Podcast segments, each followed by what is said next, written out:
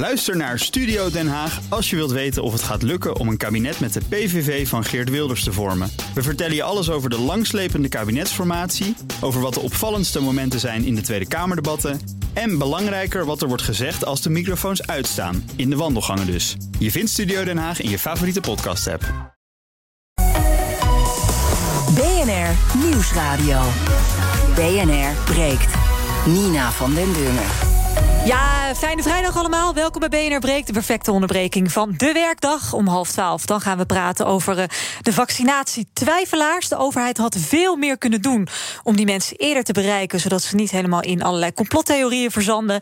We gaan het natuurlijk even mediaweekoverzicht bekijken... en de column van Toon Gerbrands over leiderschap... die sluit uiteraard altijd de week af. Mijn panel vandaag die is uh, volledig compleet bij mij in de studio, gelukkig maar. Nikki Papilaya, freelance journalist... en Tammy Schoots, transgenderactivist... en sectorraadslid bij FNV Jong. Welkom allebei, fijn dat jullie er zijn. Goedemorgen. Hi. Laten we maar meteen beginnen. BNR breekt. Breekijzer. Ja, dat breekijzer heeft te maken met de ophef die is ontstaan in gaswinningsland. Lees de Waddenzee in dit geval. Stef Blok, demissionair minister van Economische Zaken, die is voorstander van nieuwe gasboringen. De NAM, de Nederlandse aardgasmaatschappij, de aardoliemaatschappij, zou al een vergunning op zak hebben om daar te mogen gaan boren. Maar je hebt natuurlijk ook heel veel tegenstanders. Ik noem maar even een paar partijen: GroenLinks, PvdA, Partij voor de Dieren. Maar ook Friese gemeenteclubs. Die krijgen allemaal steun van het internationale congres voor natuurbehoud. Dat is een groep van regeringen en milieuorganisaties wereldwijd. Gerenommeerde club die roepen Nederland nu op om af te zien van nieuwe gasboringen in de Waddenzee. Het is namelijk van belang voor trekvogels, dat gebied. Het is ook nog eens een uniek UNESCO-werelderfgoed en beschermd natuurgebied. Ons breekijzer, daar gaan we de komende 25 minuten over discussiëren. Het is hoog tijd dat wij de natuur boven geld verdienen stellen. En dus moeten we niet naar gas gaan boren in de Waddenzee. 020 468 4 keer 0 Laat van je horen. Ik zie dat ik al Martin heb. Ik heb al Frodo. Er is nogal iemand die belt. Uh, dat gaat zo meteen uh, gebeuren. Bellers, ik kom eraan bij jullie. Eerst even um, naar onze deskundige van vandaag. Dat is David Smulders, hoogleraar energietechnologie aan de Technische Universiteit in Eindhoven. Goedemorgen. Goedemorgen. Uh, ik geef jou als eerste eigenlijk de ruimte om te reageren op het uh, breekijzer. Wat zeg je ervan? Het is hoog tijd dat we de natuur boven geld verdienen stellen. En dus moeten we niet meer naar gas gaan boren in de Waddenzee. Nou, ik maak me natuurlijk zorgen over het milieu. Maar ik maak me ook zorgen over het klimaat. Mm -hmm. En uh, om de opwarming te stoppen, moeten we minder CO2 uitstoten. En daar slagen we goed in. We zijn op koers. We hebben. Ai, klapt hij er nou al uit de lijn? Dat is snel. David, ben je er nog? Kom bij ons terug. Nou, we gaan hem uh, meteen opnieuw bellen en dan hangen we hem gewoon aan de telefoon. Want dan is het niet zo mooi als je zou willen, maar dan is het wel stabieler. Tammy, ben jij het eens of oneens met de preekijzer? Het was wel een cliffhanger, hè? Toen ja. die zeg maar zo wegschoot. Ik ja. zat er middenin. Nou, wat ik hierover te zeggen heb is... economie wordt altijd afgezet tegen klimaat. Maar economie, we staan op nummer 8 van de rijkste landen van Nederland. Waarom kan ik mijn sociale huurwoning amper betalen? Waarom gaan de lonen niet omhoog? Ik heb het gevoel dat geld verdienen en economie een soort stok paardje is geworden om, te, om uh, anti-klimaatwetgeving er doorheen te beuken. En ik word er gewoon een beetje moe van. Economie, economie, economie. We verdienen echt genoeg geld Oftewel, hier in dit land. jij bent het hartstikke eens met het breekijzer. Je moet de natuur eindelijk eens boven nou, uh, geld verdienen. Als wij echt stellen. heel laag stonden in, in rijkste, het, het, het, lijstje rijkste landen, dan had ik natuurlijk gezegd: Nou, laten we maar boren. Want nationaal hebben we er veel over te winnen. Maar ik word er gewoon een beetje moe van dat we een van de rijkste landen zijn. Kijk, wij ervaren dat natuurlijk niet, omdat we nou al tien jaar leeggeplukt worden. Maar um, ik, de, ik denk gewoon dat het oneerlijk is, dat het, omdat het iedere keer tegen het klimaat af te, uh, af te zetten. Af te ik word er helemaal boos van. Merk je dat? Ja, nou ja, dat mag hoor. Da dat, dat kan hier dus bij breekt. David hangt weer. Voordat ik jouw mening vraag, even terug naar David. Want zoals Tammy zei, David, het was een mooie cliffhanger. Uh, ja. Ik hoor wel, je zegt ik maak me zorgen over milieu en klimaat. En toen klapte ja. de lijn eruit, dus je mag hem daar oppakken. Oh ja, de, ja, het betekent dus dat we voor het klimaat moeten we CO2-uitstoot verminderen. Mm -hmm. En uh, een belangrijke manier om dat te doen is uh, om minder kolen te stoken. En omdat we nog niet voldoende wind en zon hebben, moeten we dus aardgas uh, daarvoor inzetten. Mm -hmm. Dus en dat het aardgas, aardgas hebben we nodig, zeg je? Ja, precies, precies. Want anders dan, ja, dan, dan stoten we alleen maar meer CO2 uit. En, en dat is natuurlijk ook ongelooflijk slecht voor, uh, voor het milieu. Ja, ja, dus eigenlijk als ik zeg de breekijzer hoog tijd dat we de natuur boven geld verdienen stellen, dan zeg jij mm, ja, ik vind dat het daar eigenlijk niet zo direct mee te maken heeft. we hebben het gewoon nodig om, om, om uh, het klimaat een beetje goed te doen. Dat gas. Exact. Ik denk, ik denk dat dat prioriteit moet hebben. Ja. en, en kijk, het, het, het geld, dat, uh, ja, ik zou zeggen dat dat de secundair. Het klimaat is primair. Ja, ja, tegelijkertijd, we moeten ook allemaal van het gas af. Ja, dat is, eh, dat is altijd een kreet waar ik wat vraagtekens bij stel. Want als ik dus kijk dat op het moment uh, eh, 60% van onze elektriciteit wordt door aardgas opgewekt. En dat, dat zal uh, alleen maar toenemen. -hmm. Richard, John en Dirk hebben ook al gebeld. Dus ik heb al een rijtje bellers hangen. 020 468 4 0 Kom zo bij jullie. Eerst nog even naar Nicky. Nicky, wat is jouw reactie op Breekijzer? Ik denk dat we ook kunnen kijken naar de kant van de consument. En daar proberen de, het gebruik ook omlaag te krijgen. En dan hoef je niet per se te kijken naar nieuwe oplossingen om toch niet CO2 te gaan uitstoten. Dus oké, we gaan dan niet kolen gebruiken, we gaan aardgas winnen. Ja. Maar we kunnen ook beter in gaan zetten op verbruik gewoon minder spullen. En ook Zorg minder gas, eigen dus gebruik... alles moet omlaag. Zorg gewoon dat je naar jezelf kijkt wat jij in de klimaatcrisis kan doen... en dat je daar minder gaat gebruiken. Dan hebben we ook die alternatieven niet nodig. Mhm. Want ik begrijp natuurlijk dat het... ja, als je naar de klimaatsom aan het einde van de rekening kijkt... is het een betere oplossing dan, dan bijvoorbeeld uh, kolencentrale. Mhm. Maar uiteindelijk is het alsnog zoeken naar een andere manier in plaats van zoeken naar het probleem en daar een oorzaak. Dus bij jou hoor ik, uh, moeten we gaan, we gaan nieuwe boringen gaan doen in de Waddenzee? Het antwoord is voor jou nee, nee. Tammy, het antwoord is. Nou, ik vind het een beetje onzin dat je het bij mensen zelf legt. Van oké, we moeten naar, op de consument focussen. Terwijl als je gaat kijken waar de meeste uitlaatgassen vandaan komen... en de meeste CO2, is het voornamelijk grote bedrijven. Dus ik vind het een beetje onzin om die consument daar centraal in te stellen. Maar bij jouw antwoord is het ook nee. Geen nieuwe gasboring in de Waddenzee, als ik het jou zo rechtstreeks vraag. Nou ja, als we er heel veel geld mee konden verdienen... als we een heel arm land waren, dan had ik het geen probleem gevonden. Sorry dat ik het zeg, maar we moeten toch zeg maar ergens overleven. Maar ik vind het gewoon, wat ik onzin vind... is dat economie afgezet wordt tegen klimaat. Ja. David, jouw antwoord zou zijn dus ja, denk ik hè, toch wel boren naar gas. Ja, en, en, ik denk uh, dat, uh, dat, uh, dat de inbellers en de commentaar natuurlijk volkomen gelijk hebben. We, moeten natuurlijk allereerst zorgen dat we minder energie verbruiken. maar, maar aan de andere kant, de vraag naar elektriciteit zal, zal stijgen. Want we krijgen simpelweg meer elektrische auto's. We krijgen meer warmtepompen. Uh, we krijgen meer datacenters. Dus uh, dat zal groeien en die stroom moet ergens vandaan komen. En zolang we nog niet voldoende zon en wind hebben, is het beste om, om uh, gas in te zetten. Dat is het aanzienlijk beter dan kolen. We doen een rondje bellers. Martin heeft gebeld naar 020 468 4 0 Dat kun jij ook doen. Martin, goedemorgen. Ja, goedemorgen met Martin van Kempen. Hallo. Zeg het maar. Ik ben het uh, oneens met de stelling. Ik denk allereerst dat de tegenstelling economie of natuur dat die wat eenzijdig is. Mm -hmm. uh, als je kijkt naar de belasting van de natuur in de Waddenzee, er staan ook duizenden windmolens in het Duitse gedeelte van de Waddenzee. Ehm, als je dat er wel goed vindt, waarom vind je het dan voor de gasboring niet?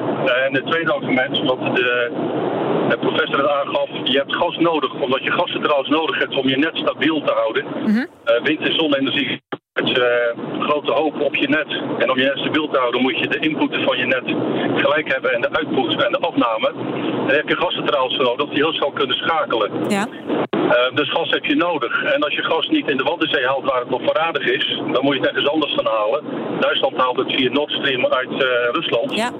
Maar ik ook de vraag stellen, wil je daar je gas vandaan halen? Dus de vraag ligt veel genuanceerder dan uh, je bent of voor economie of tegen klimaat of andersom. Ja, ja mooi punt. Uh, ik ga hem gelijk nog even voorleggen aan David. David, bijvoorbeeld het punt wat Martin maakt over de windmolens. waarom zou je inderdaad windmolens dan wel daar neerzetten als je de natuur wil beschermen? Nou, ik denk uh, dat het een prima opmerking is. Ik denk dat dit is een, een, deskundig commentaar. Maar we moeten natuurlijk wel rekening houden met het feit dat, dat, dat windmolens in principe geen invloed hebben, bijvoorbeeld op, op bodemdaling. Ja. er is natuurlijk altijd een, een, een, ja, een probleem dat, dat er eventueel bodemdaling kan optreden. En de vraag is natuurlijk of dat ook invloed heeft bijvoorbeeld op de vogelstand. Uh, dus ik, ik denk dat er wel een verschil is tussen het plaatsen van windmolens en het, en het winnen van gas. Maar ja, het zijn natuurlijk alle twee wel uh, menselijke activiteiten die invloed hebben op het milieu. En ik denk dus ook dat we daar uh, in beide gevallen rekening mee moeten houden. Frodo Dekker, goedemorgen. Ja, goedemorgen Nina. Zeg, uh, ik ben uh, boos en verdrietig hierover. Uh, omdat de geboorte, tenminste die plannen door willen gaan. Kijk, ik zie dit kabinet een beetje fel streek uit, uithalen. Door extra heel lang uh, dimensionair te blijven, worden allerlei van deze vuile plannetjes doorgedrukt. Kijk, op die manier hoef je toch je verantwoordelijkheid niet te nemen. Want jij wil absoluut niet, begrijp ik, dat er wordt geboord in de Waddenzee. Nee, nee, nee. Ik vraag me ook af of er een tribunaal uh, uh, bestaat of opgericht kan worden om zeg maar, dit soort handelingen van overheden uh, voor te leggen als ecocide. dit is een uniek natuurgebied. Mm -hmm. Kraamkamer voor alle trekvogels. je kan maar één keer naar de kloten helpen. Ja, goed, vandaar mijn uh, boosheid en verdrietigheid hierover. Mooi, dankjewel voor jouw reactie. Uh, David, ecocide. Ik vind het wel een mooie term die Frodo gebruikt. Uh, het is niet zomaar een stuk natuur wat je hier dan aanboort. En, nee, nee, nee. wat er nee, nee. gebeurt. Ik, ik zei, ik maak me zorgen over het milieu. Maar een oplossing, om toch in de richting van oplossing te gaan... zou bijvoorbeeld kunnen zijn dat je een deel van het, uh, van het geld dat natuurlijk uh, hiermee verdiend wordt, om ook even op de stelling terug te komen, is dat je dat bijvoorbeeld reserveert voor het Waddenfonds. Kijk, het Waddenfonds dat is een fonds dat hebben we al. Mm -hmm. En dat, uh, dat investeert in duurzaamheid en in ecologische projecten. Dus dan zouden we op deze de manier. die gedaan wordt, kun je die herstellen? Nou, Al is het dan met geld gedaan. achteraf? Nee, ik, ik, denk dat er geen, geen schade wordt gedaan. Als je het voorzichtig doet, hè, en er zijn natuurlijk ook al allerlei. allerlei wingebieden, bijvoorbeeld Moddergat, uh, Lauwersoog, Vierhuizen. Ja, daar wordt ook gas gewonnen. Ja. Daar wordt sinds 2006 gas gewonnen en, en dat wordt prima gemonitord. En tot nu toe is er van geen enkele vogelsoort aanwijzingen dat het uh, voedselaanbod zich negatief ontwikkelt. Nog het uh, bodemdalingsprobleem. maar is dat niet iets wat juist over op lange termijn optreedt? En, en niet wat je in, bij wijze van spreken, één decennium terugziet? Dat, dat zou kunnen, maar vandaar ook die monitoring. Hè? Dat is het hand aan de kraan principe. Dus mocht er een negatief aspect optreden, dan kun je meteen besluiten om dat te stoppen. Hmm. We gaan even naar Richard. Goedemorgen, Richard. Ah, ja, goedemorgen, Nina. Ja, ik ben ook tegen de stelling. Alleen ik ben bang dat het ook helaas niet anders kan. Ja, hoezo? Ja, omdat weet je wat het is? Uh, al die klimaatgekkies en uh, die GroenLinks-gekkies... die willen natuurlijk heel Nederland klimaatneutraal hebben. En ik heb een keer in een programma van Sven Kokkerman gehoord... dat dat 100 miljard gaat kosten. En aangezien een begroting van de overheid... en wel eens een procentje of duizend ernaast zit...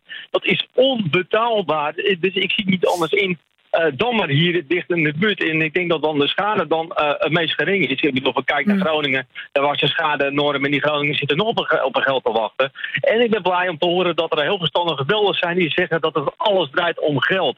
En zo is het ook helaas. Wat jij zei in je intro, helemaal begin van... joh, gezondheidszorg moet, of uh, de mens... De, de Natuur ja. ja. Ja, die moet bovenaan staan. Ik heb nieuws voor je, dat is de laatste paar jaren is dat niet gebeurd. Want hoe wie welke gek hebben ooit marktwerking verzonnen over ziekenhuizen? En Ja. daar wil ik het wel laten. Dank, Richard, voor jouw reactie. Meneer Van der Pol, goedemorgen. Goedemorgen. Zeg het maar. Ik zou het heel jammer vinden eh, als we in de Waddenzee weer gaan boren. Omdat ik er graag kom en ik het een ontzettend mooi en waardevol gebied vind. Mhm. Ik hoor ook eh, opmerkingen over ja, eh, de CO2. Eh, daar wil ik ook graag eigenlijk wat aandacht voor. Want heel veel dingen die worden vaak maar van één kant belicht. Dat is ook met het klimaatbeleid zo. Er zijn wetenschappelijke onderzoeken van de Deense professor Erik Svensmark en van de Amerikaanse professor Hepper. En ehm, die laten een heel ander geluid eh, horen. Ja, ja. Eh, die zeggen bijvoorbeeld eh, over het CO2 daarop terug te komen. CO2 hoort thuis in de atmosfeer. Planten nemen CO2 op, de oceanen nemen CO2 op. En ze geven zuurstof af. Dat hebben wij nodig. Ik denk wel eens, je hoort zo vaak dat het zo slecht gaat met de bossen. Ja, als we ze geen voer geven, gaan de bomen dood. Ja, ja dat is een... hebben eh, CO2 nodig. Die, die professor Hepper die zegt, glastuinders die groenten onder glas kweken, die verhogen vaak het CO2-gehalte in hun kas om eh, de gewassen beter te laten groeien en beter en eh, mooier Maar fruit. uw, uw punt, meneer Van der Pol, want er zijn ook nog andere bellers. Dat ehm, In de zaken van alle kanten moeten bekijken. Maar ik ben in dit geval niet blij met boren in de Waddenzee. Helder, dank u wel voor de reactie. Luc, goedemorgen. Dag, eh, goedemorgen Nina. Ehm, nou, ik heb naar de overige bellers mogen luisteren en eh, ik merk dat daar veel eh, emotie in zit vanuit beide kanten. Ik kijk daar zelf optimistisch naar. Ik ben voor het klimaat, ik ben voor het milieu. Ehm, ik denk alleen niet dat het een het ander uitsluit. Ik heb het over de groene economie, ik heb het over de blauwe economie. En we hebben geld, het middel geld, ooit uitgevonden om dingen een, een, een, waarde toe te kennen en daarin te handelen, uh, omdat het betekenisvol voor ons is of dat het ons helpt. Mm Um, zelf um, zit ik in de, in de data sites en we hebben vorig jaar achter 70% van alle woningwaarderingen in Nederland gezeten. En wij zien daar bijvoorbeeld in dat het toevoegen van groen waardevermeerderend is voor de woningwaarde. Dit is één klein voorbeeld en er zijn nog wel duizend andere voordelen, mm voordelen te, te, bedenken waarin dat van toegevoegde waarde is. Dus het, op de lange termijn uh, denk ik dat deze discussie heel goed is. Omdat het ons helpt in de mindset uh, de waarde hiervan te zien. Alleen wij moeten nu nog de transitie maken naar de economie. En dat gaat met horten en stoten. Ja, dankjewel. Mooie reactie ook. Uh, nog even naar Frank. Goedemorgen. Dag, goedemorgen. Ja, uh, ik denk dat het gewoon echt niet nodig is om, uh, om te boren, uh, om nieuwe boorpunten aan te boren. Ehm, het is gewoon een kwestie van prioritering door de politiek. We ja. hebben in principe de middelen om het te doen. maar je zegt, we hebben er al genoeg nu. Uh, nou ja, we kunnen met de gasbouw in Groningen tot, tot ongeveer 2030, zoiets. Uh, we, we, hebben nog even de tijd om, uh, om de transitie te maken. En uh, als je echt wil met z'n allen, dan, dan heb je echt geen gas meer nodig. Nou, interessant punt. David, wat zeg jij daarvan? Hebben we niet gewoon genoeg punten waar we al op kunnen boren? Nou ja, we hebben, we hebben natuurlijk besloten om Groningen te sluiten. En dat, dat is van, vanwege goede redenen. Ja, verzakkingen dus, dus, van al die woningen. Ja, ja, Enorme schade, emotionele schade, wat het allemaal niet kan aanrichten. Ja, precies. Dus dat betekent dat dat gas ergens anders vandaan moet komen. En dan hebben we een keuze. Natuurlijk hebben we een keuze. We kunnen het importeren. We kunnen het uit Rusland importeren. We kunnen het uit Noorwegen importeren. En we hebben onze kleine velden. En uh, ja, als je de kleine velden doet, dan is dat natuurlijk economisch voordeliger. Want we hoeven het niet te kopen in Rusland. Mm -hmm. we, houden het geld, we houden het geld in de eigen portemonnee. En uh, het is ook beter voor het milieu. Want als je gas transporteert over grote afstanden, dan uh, kost dat ook milieuschade. Dus, is er geen, geen risico in dat gebied? Want we hebben het over het gebied in de Waddenzee tussen het Friese dorpje Ternaert en dan ruwweg Ameland, toch? Mm -hmm, mm -hmm. Klopt, is, daar, ja. is daar risico voor de inwoners van die Friese gemeenten die daar vlakbij zitten qua verzakkingen? Nee. Uh, weten we dat risico... zeker? Want je wil natuurlijk geen herhaling van Groningen. Precies, precies. Zeker weten we natuurlijk nooit. Maar uh, de risico's zijn wel ongelooflijk klein. Als je kijkt naar Groningen, dat is een, het, bijna het grootste gasveld ter wereld. Hè, het op 10 na grootste gasveld ter wereld. Wij zijn eigenlijk qua gas het Saoedi-Arabië van, uh, van, van Europa, zou je hmm. kunnen zeggen. Ja, ja. Uh, en als je dus naar die kleine velden kijkt, die zijn gemiddeld zo'n factor duizend keer kleiner. Nou, dat betekent natuurlijk Groningen aardbevingen. Ja, groot veld, grote aardbevingen. Maar als je nu naar de kleine velden kijkt, dan heb je natuurlijk kleine velden, kleine aardbevingen. Dus die kant is, is, is echt factoren orders, duizend keer kleiner. Dus dat betekent, uh, dat is het eerste punt. En tweede zeg ik dus ook, uh, zet een deel van het geld apart, bijvoorbeeld in het Waterfonds. Mocht er iets zijn, dan heb je daar in ieder geval toegang tot uh, compensatie. BNR breekt. Nina van den Dungen. Je hoorde David Smulders aan de telefoon, hoogleraar energietechnologie aan de Technische Universiteit Eindhoven. En in mijn panel vandaag Tammy Schoots en Nikki Papilaya. We hebben nog uh, twee bellers die ik even aan het woord wilde laten in uh, de komende vier minuten van uh, dit breekijzer. Het is hoog tijd dat we de natuur boven geld verdienen stellen. Dus moeten we niet naar gas boren in de Waddenzee. Dirk, goedemorgen. Goedemorgen. Um, ja, ik vind het. boren naar gas in de Waddenzee vind ik krankzinnig en hypocriet. Uh, ten eerste uh, zijn er goede studies gedaan naar de effecten ten aanzien van uh, bodemdaling en uh, aardbevingen. Dat is één. hypocriet vind ik het als er overal toch schadelijke effecten zijn. Um, dan, dat in combinatie met die stikstofagenda Terwijl, uh, terwijl die uh, um, boeren eronder doorgaan. Ik vind het echt zwaar hypocriet. En waarom, waarom wordt er in hemelsnaam niet gewoon ingezet op waterstof? Nou, aardige vraag, David. Ja, waar komt die waterstof vandaan? Die komt van, van aardgas. Tot nu toe nog ja. altijd. En kan dat dus anders? Kunnen, natuurlijk, we kunnen dat van, van groene stroom maken. Maar goed, dan hebben we dus ook weer elektriciteit nodig. Ja. Dus uh, ja, dan komen we toch weer bij het aardgasdossier. En toch zei Frank, van, uh, Frank, die we eerder aan de telefoon hadden... van je kan die transitie ook op lange termijn gewoon maken... terwijl we nog tot 2030 wel gas hebben. Is dat ook zo? Nou ja, ik denk dus dat we zeker tot 2050 wel, uh, wel gas nodig hebben. Uh, en we zijn volop met een transitie bezig. Maar ja, nogmaals, uh, de stroom, het stroomgebruik zal, zal stijgen. De, we hebben steeds meer zon en wind. Ja. Maar op, dat moment, op het moment is dat nog maar 18 procent. Dus om dat naar 100 procent te krijgen, ja, daar hebben we tijd voor nodig. En hoe doen we dan de rest? Ja, op het moment is het nog 60 procent. Ja. dus dat, dat zal terugvallen. maar dan moeten we natuurlijk wel zorgen dat zon en wind toenemen. Ja. Daar hebben we wat tijd voor nodig. Dat kan niet van vandaag op morgen. Dus het is altijd transitie, maar transitie kost Nog één beller. John, goedemorgen. Goedemorgen met John van der Geest. Ik wil even reageren. Het klimaat is, een, het is gewoon een verdienmodel geworden. En nu hebben we een uh, gasbron gevonden. En we denken meteen dat de complete Waddenzee de bodem in elkaar gaat zakken. Maar het feit is gewoon, als wij de infrastructuur aangetasten met windmolens, uh, de zonnecellen, het asbest van de toekomst.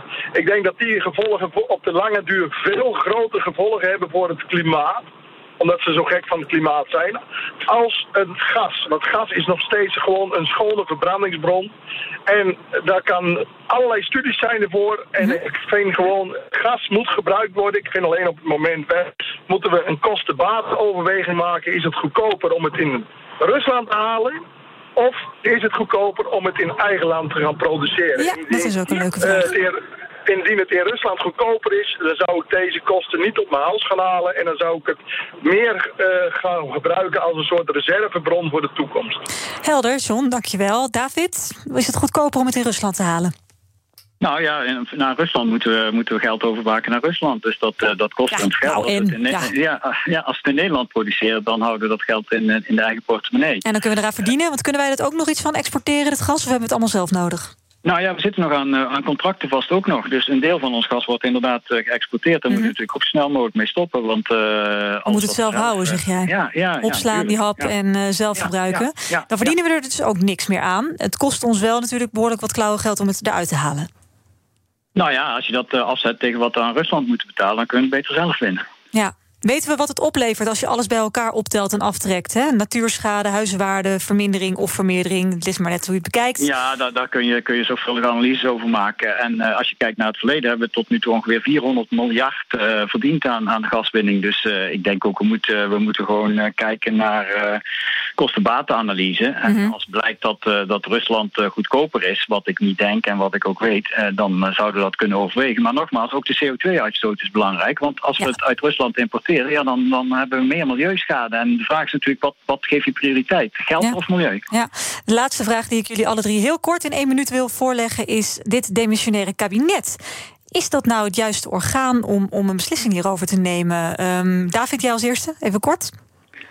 Um, Wat jou betreft? Zo, zo, uh, ik, ik, denk het, ik denk het wel, want we zitten natuurlijk vast aan uh, afspraken die gedaan zijn. Dus we, we doen uh, in principe niks, niks nieuws. Nou ja, een vergunning verstrekken aan de NAM voor boren, dat is toch, dat is toch nieuw dan? Er worden op het moment geen nieuwe winningsvergunningen of opsporingsvergunningen meer, meer verstrekt. Alleen in gebieden waar die vergunning al gold, worden ah. die vergunningen niet uitgegeven. Dus we zitten toch vast aan bestaande contracten.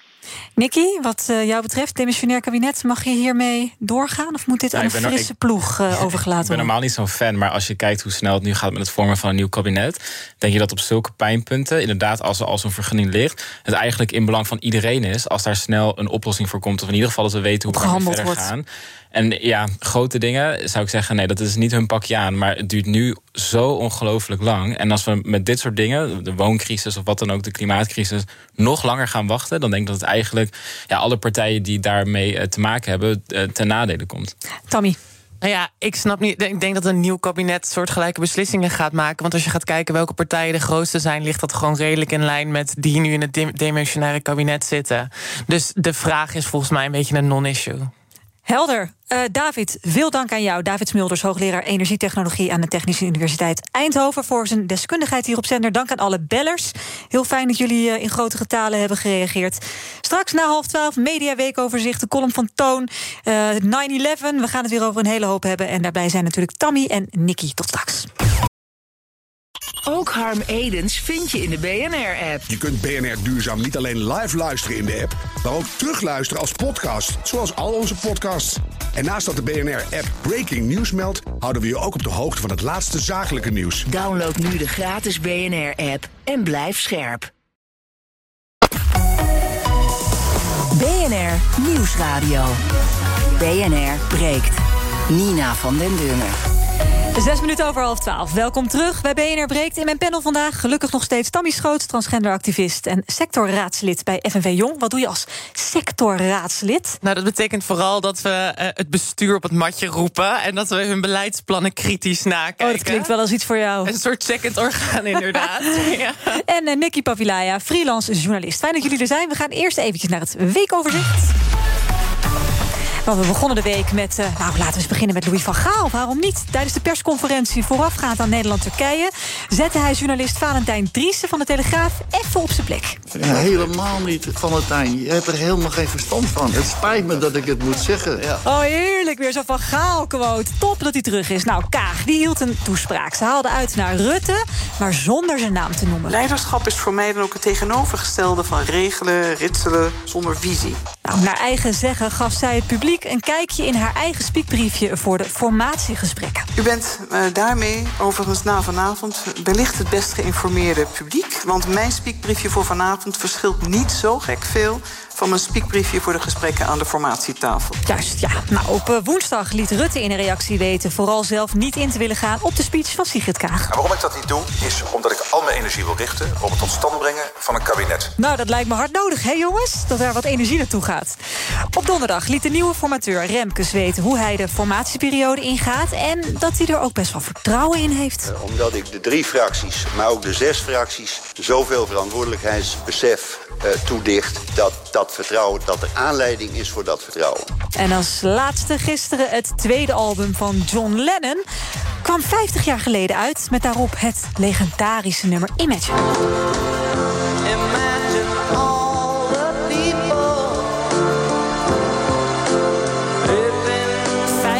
Jaar geleden. Nou ja, dat, uh, toen waren wij er allemaal nog, nog niet, hè?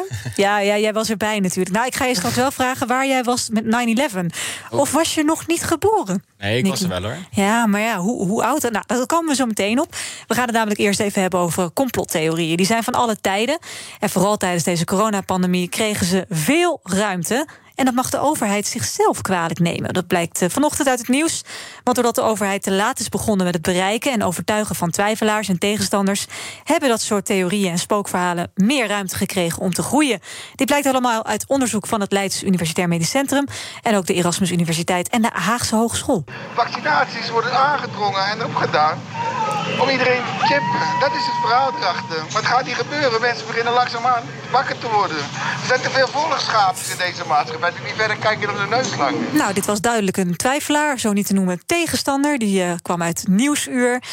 Um, Nicky, ben je het eens met, met eigenlijk wat wetenschappelijk nu is aangetoond? De overheid heeft veel te veel ruimte gelaten aan dit soort theorieën om, om te groeien, om voet aan de grond te krijgen. Zeker, ja. En uh, nou, het zegt al genoeg, het is wetenschappelijk aangetoond. En ik denk dat we daar allemaal iets beter naar moeten gaan luisteren. En zeker als we aan het begin gewoon iets harder hadden ingezet op informatie, communicatie, de kanalen die we gebruiken. En ook is, dat niet, is dat niet gebeurd? Nee, dat is zeker niet gebeurd. En ik, zo vaak heb ik gezien... Als al die persconferenties. Als er dan weer iets die... wordt geroepen, of Willem Engels zegt weer wat... dat we er allemaal maar stil zijn, want we moeten die mensen geen aandacht geven. Dat was volgens mij de strategie. Als, als Hugo weer iets op straat werd gevraagd... gaan we niet op reageren, gaan we niks over zeggen. Als je dat nou een keer wel doet... Als overheid heb je nou, het over, hè? Absoluut, ja. Als je daar nou een keer heel hard tegenin gaat... want dat zie ik ook in andere landen gebeuren... je mag daar echt wel een keer iets van zeggen. Een beetje Mark van Ranst, de Belgische Jaap van Dissel, Zeker, zeg maar. nou, die gewoon echt Willem hoor. Engel echt de vloer ermee aanveegt. Tommy? Nou, het zal je verbazen, maar ik ben het dus niet helemaal eens met deze analyse. Wel met dat onderzoek, maar niet met de analyse die Nicky maakt. Wat ik denk is dat het heel logisch is dat de overheid zeg maar, zichzelf terugtrekt. Daar kiezen we voor. Rutte voert een soort nachtwakerstaatbeleid. Wat houdt dat in? Dat betekent dat je jezelf zodanig terugtrekt uit het publieke leven. En dat je eigenlijk alleen nog maar op de kerntaken gaat focussen. We zagen dat een heel ministerie voor wonen is wegbezuinigd onder Rutte.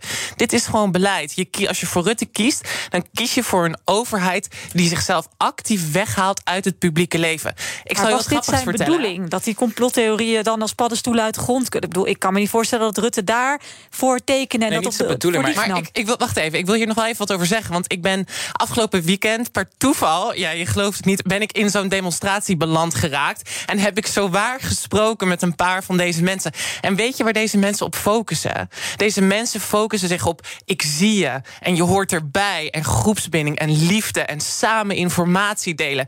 Wat er gebeurt met een overheid die zich terug, terugtrekt uit het sociale leven, dan zie je dat dit soort groepen als soort schaduwmaatschappijen uit de grond poppen. Ze lezen, krijgen allemaal hun nieuws via Facebook, via die, die gewaardeerde communityleden. Dus dit zijn gewoon soort kleine communes aan het worden, die bij elkaar steun zoeken, die bij elkaar sociale binding zoeken in een maatschappij die eigenlijk ja, moreel leeg is, laten we heel eerlijk zijn. Er is niks meer, de kerk is afgebroken. We hebben helemaal, we hebben helemaal niks meer in deze maatschappij. En ik keek in een van die man zijn ogen en hij zei: Ik zie je, ik hoor je, ik voel je, je mag hierbij horen. Wat zei jij toen? Nou, het moment dat ik zei dat ik een transpersoon was, was dat meteen ook afgelopen. Niet waar. Ja, dat is echt waar. Het zei hij van: jouw, jouw bestaan, daarmee schreeuw je om aandacht. Maar hij zei dat was wel een interessante dynamiek. Want wat je zag, ik, ik merk ook dat ik heel veel behoefte heb aan sociale binding, aan gezien worden, aan niet zo alleen zijn in deze maatschappij. En daar spelen die gasten gewoon heel goed op in. En we moeten dat, dat soort processen in plaats van te reageren op,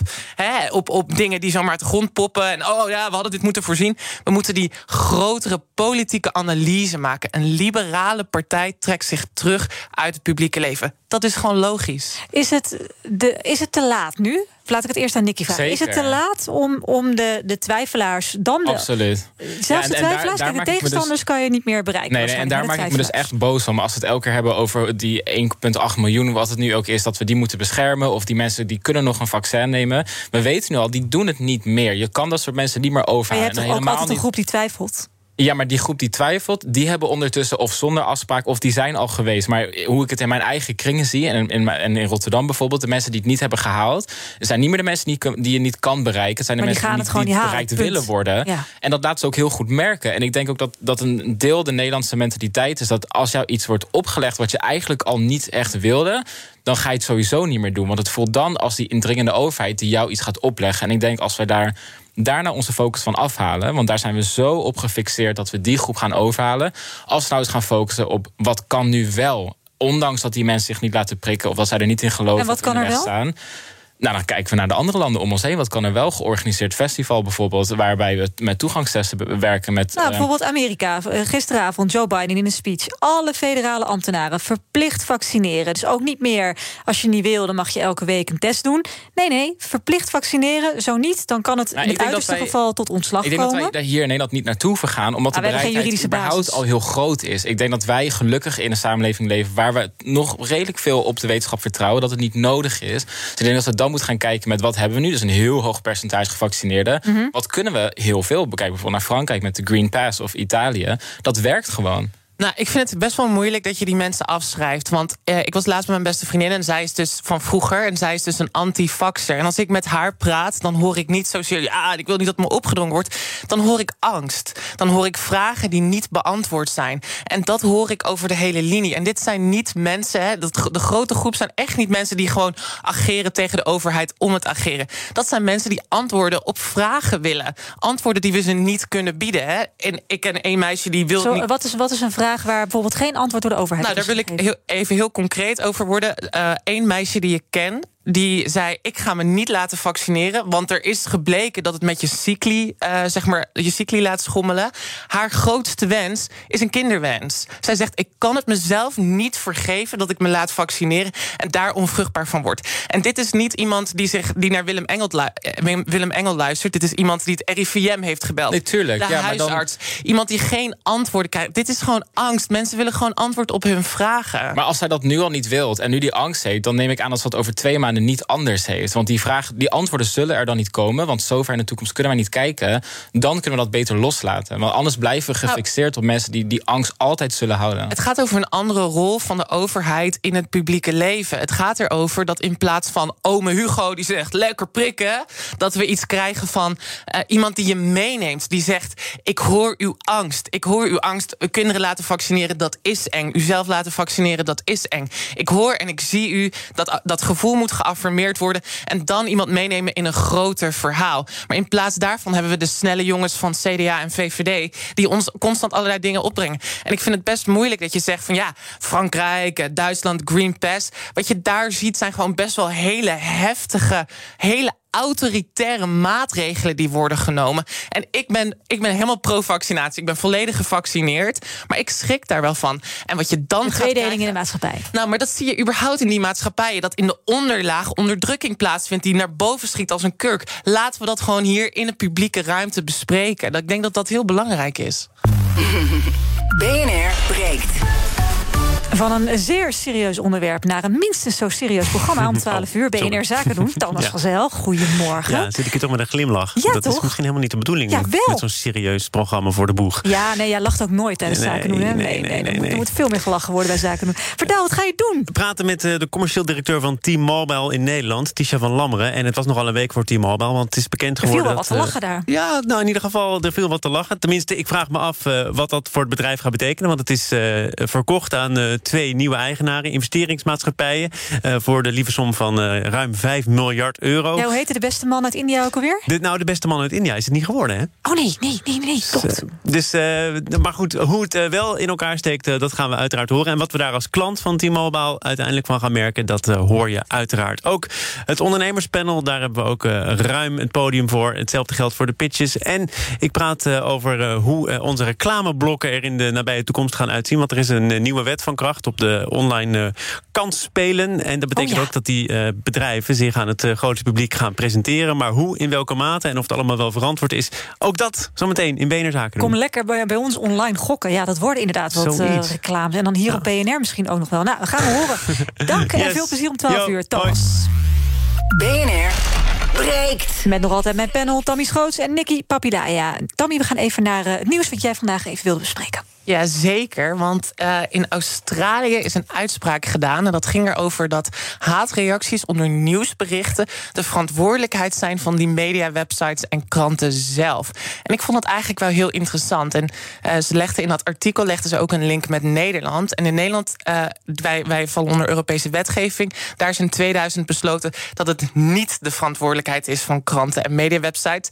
Tenzij ze erop gewezen worden. En nu komt het, dit vond ik wel een interessante. Als jij weet dat jouw onderwerp controversieel is, dan heb je wel een moderatieplicht. Eh, en dat vond ik wel interessant, want dat zie ik eigenlijk helemaal nooit. Ik zie de NOS best wel controversiële dingen zeggen. Ik zit zelf in de genderdiscussie. Nou, als er iets controversieel is in deze is dat maatschappij, dan is dat het. Maar ik vond het wel interessant dat wij de mediawebsites daar verantwoordelijk voor konden houden. Dat wist ik helemaal niet.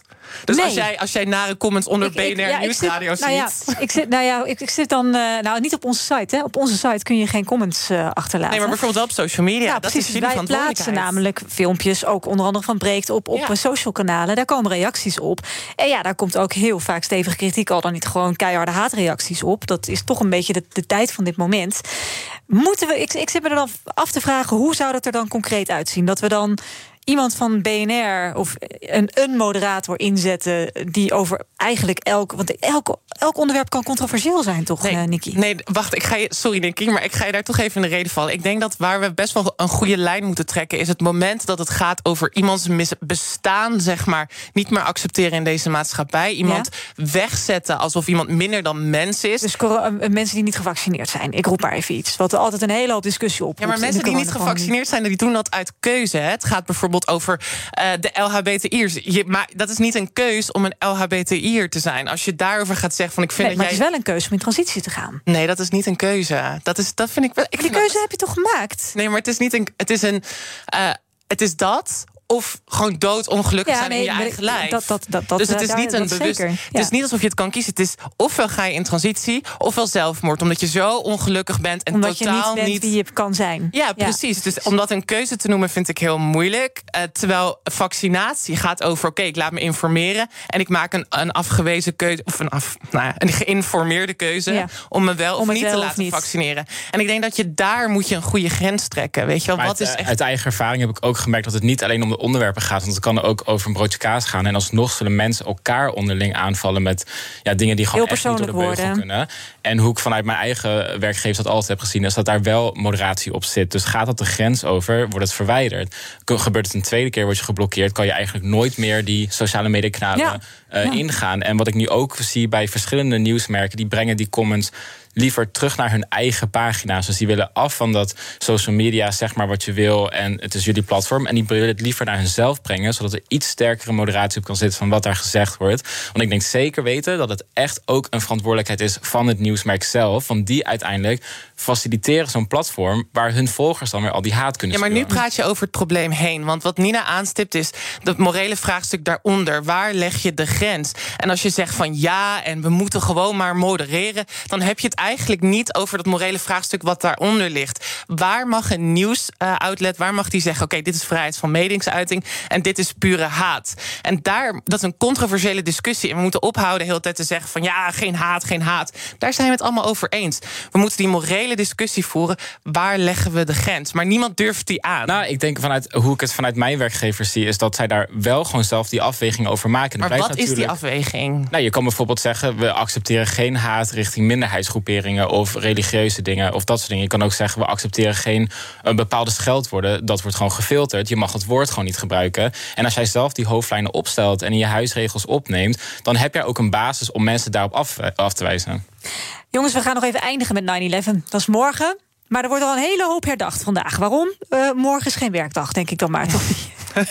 beetje Oh, beetje bizar, toch? Zeggen, nou, nou, ik ja. vond het ook wel echt belachelijk dat Rutte zit lekker morgen in zijn, in zijn zonnestoeltje, weet je wel. In en de vandaag tuin. is er in het Haagse, waar, waar, waar, was het? In Den Haag was er een herdenking. Precies. Wat ik heel mooi vind, maar waarom doe je dat niet op de dag zelf? Ja, omdat het weekend is waarschijnlijk. Ja, nou ja, Laten dat, we eerlijk dacht zijn. ik dus, uh, Nicky, dat is het toch? Dat is wel typisch met dit kabinet, laten we heel eerlijk nou, wat zijn. Wel, wat wel interessant is om nog uh, als laatste, hè, het is morgen, dus 20 jaar geleden. Um, er zijn nu allemaal nieuwe DNA-technieken, waardoor er nog steeds mensen ja, geïdentificeerd worden. Afgelopen ja. woensdag werden slachtoffers met de nummers 1646 en 1647 werden geïdentificeerd. Er zijn nog meer dan 1100 mensen die nog steeds niet geïdentificeerd ja. zijn. Terwijl we kennen de namen, we weten wie daar in die toren waren, dus wie er zijn overleden. Maar welk lichaam aan diegene, aan, aan, aan jouw geliefde ja. toebehoorde, dat is dus nooit bekend. En dat is met DNA dus wel uh, bekend geworden. There were just too small badly degraded, exposed to things that destroy DNA, like fire and jet fuel and water, sunlight. Ja, nou ja, dat is dus iets, iets moois wat nu nog is. Um, hebben jullie morgen, is het morgen voor jullie een, een, bijzonder moment dat het 20 jaar geleden is, Tammy? Nou, ik vind wel dat je daar een interessant onderwerp aanstipt over die technologische vooruitgang die de vrije hand krijgt mm -hmm. onder het mom van 9-11. Want er was een heel interessant artikel in de New York Times. Het heet How the NYPD is using post 9-11 tools on everyday New Yorkers. En dat ging over inderdaad die surveillance technieken. Uh, het, en er is een document eerder dit jaar naar buiten gekomen van de politie in New York. Waaruit blijkt dat duizenden license plate readers, mobile X-ray vans, hè, dus dat zijn X-ray ja, busjes, ja, waardoor, busjes. Je, waardoor je door auto's kan kijken. En digitale tools om mensen op te sporen. En allemaal wow. zonder een opsporingsbevel. En wat, wat, jij zegt is interessant. Dus Big het is heel, Brother is watching you. Nou, het is heel mooi dat ze die DNA-onderzoeken kunnen doen. Maar dan vraag ik me af, hoe kunnen ze in die databases? Heeft de familie, die kunnen, ze weten niet per se wie die familie is. Maar dan gaan ze in databases naar DNA zoeken ongegeneerd, hè, onder het mom van 9-11. Ja, ik hoop dat hier gewoon mensen van hun geliefde iets hebben gegeven... van als je hem vindt, dit maar, is het DNA. Ja, maar dat is dus niet wat hier aan de hand is. Wat hier aan de hand is, dat die hele grote datacentra... onder het mom van 9-11, ongegeneerd... dat mensen daar ongegeneerd een beroep op kunnen doen. Hier kunnen we nog een hele uur over praten. Uh, als laatste heel kort aan jou, Nicky. Uh, morgen voor jou een bijzonder moment? Voor mij persoonlijk niet. Het is natuurlijk al ja, een vervelende Hoe oud was je nou? Ik was twee, denk ik. Drie. Ja, twee. Ja. Dus uh, ik heb daar geen actieve herinneringen aan. Nee. Uh, ja, en ik ben zelf bij het unmute als protest. Dus het is een, een dubbele betekenis. Oh ja, nou ja, dus daar heb jij uh, je, hebt je handen vol morgen. Zeker. Um, Tommy, ga jij kijken? CNN zal ongetwijfeld heel veel aandacht aan besteden. Nou ja, ik denk dat het in de westerse cultuur, zeg maar, en hoe het mijn jeugd heeft geschapen, is het ongelooflijk belangrijk geweest. Dus ja. ik ga zeker kijken. Veel dank voor jullie komst, Tammy Schoots en Nicky Papilaya. Zoals elke vrijdag sluiten wij af met de column. En maandag zijn we er uiteraard weer. Je kan, kan ons altijd volgen op de socials. En na de column krijg je natuurlijk het nieuws. En dan uh, Thomas van Zel zit hier met BNR Zaken doen. En veel plezier daarmee. BNR breekt. De toon van de week. Elke week ga ik op zoek naar gebeurtenis waarin leiderschap zich positief manifesteert. En dat beloon ik met de groene kaart. Maar er gaat natuurlijk ook heel veel fout. En ook dat stel ik aan de orde. En dan moet je echt beducht zijn voor de alomgevreesde gele kaart van de week. De luisteraars van BNR hebben suggesties en vragen weer via de mail en Twitter kenbaar gemaakt. Deze week werd ik door een luisteraar gewezen op iets uit de categorie klein bier. Het is een categorie die ik kan omschrijven als waar maak je druk om, want de wereld draait toch wel door. In Budel was ophef ontstaan over een foto van proostende bestuurders bij de kermisopening. Vanwege de corona was besloten om de kermis dit jaar alcoholvrij te laten plaatsvinden. En ja hoor, social media ging los. Want bestuurders stonden met alcohol op de foto en dat kan toch echt niet. Ik ben een van de eerste die voorbeeldgedrag belangrijk vindt. Maar we kunnen ook doorslaan. Het mooiste was nog dat een van de bestuurders aangaf alleen met een glas champagne op de foto te zijn gegaan zonder uit het glas te hebben gedronken. Consequent zijn is prima, maar moet niet te gek worden. Enige tolerantie kan ook geen kwaad. Laten we vaststellen dat niemand ooit echt consequent zal handelen. In dit geval geef ik de bestuurders in ieder geval het voordeel van de twijfel. Ze hebben er vooraf niet over nagedacht. Zeker niet in Brabant als alcohol het onderwerp is. Voor me op tafel ligt hem uit te reiken. De groene kaart. Dr. Kilian Wawoe is deze week de winnaar. Hij is werkzaam aan de Vrije Universiteit in Amsterdam en hij is auteur van het boek Het Corporate Brein. In dit boek beschrijft hij de resultaten van onderzoek dat heeft gedaan naar thuiswerken tijdens de coronacrisis. Hij onderbouwt met cijfers allerlei stellingen, hoe wij hier nu verder mee om moeten gaan. De resultaten zijn echt verrassend. En ze hebben mij getriggerd op een hele andere manier tegen deze problematiek aan te kijken. Ik zou iedere manager en directeur willen aanraden om eerst het boek te lezen voordat je thuiswerkbeleid gaat invoeren. Het boek moet wat mij betreft worden gezien als een standaard werk dat in elke kamer van de leidinggevende hoort te staan. Wil je meer weten waarom je geen vergoeding moet geven voor thuiswerken en waarom jongeren liever niet met elkaar bellen, dan is dit een aanrader. Dr. Kilian Wawoe heeft een topboek afgeleverd. Ik besteed in deze rubriek graag aandacht aan onderscheidende boeken. Ook hiervoor zijn de tips van luisteraars welkom. Klasse en hulde voor Kilian Wawoe. Maar dan, uit mijn linker borstzak komt tevoorschijn... De gele kaart. Deze wordt uitgereikt aan Piet Fortuyn. Hij is voorzitter van de vakbond CNV. En hij zocht de publiciteit met zijn idee voor een 30-uurige werkweek. Zijn analyse was dat er iets mis is in de verhouding tussen werk en privé. En dat is volgens hun eens een keer bevestigd in de coronatijd. Al dus het CNV. Een betere verhouding tussen werk en privé wordt uitsluitend bereikt door het aanpassen van je levensstijl.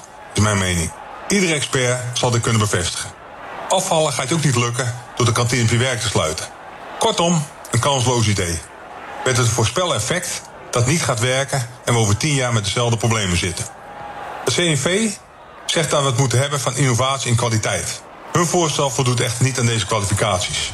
Een proefballon oplaten gaat averechts werken. Piet Fortuyn heeft dit dus nog niet begrepen. Kortom, een punt voor verbetering. Op naar de volgende week van Toon. De suggesties van luisteraars zijn van harte welkom. Wees allemaal scherp en alert en stuur uw nominaties naar toonvandeweek.bnr.nl of laat u horen op Twitter. Tot volgende week. Goed weekend allemaal. Was getekend Toon Gerbrands.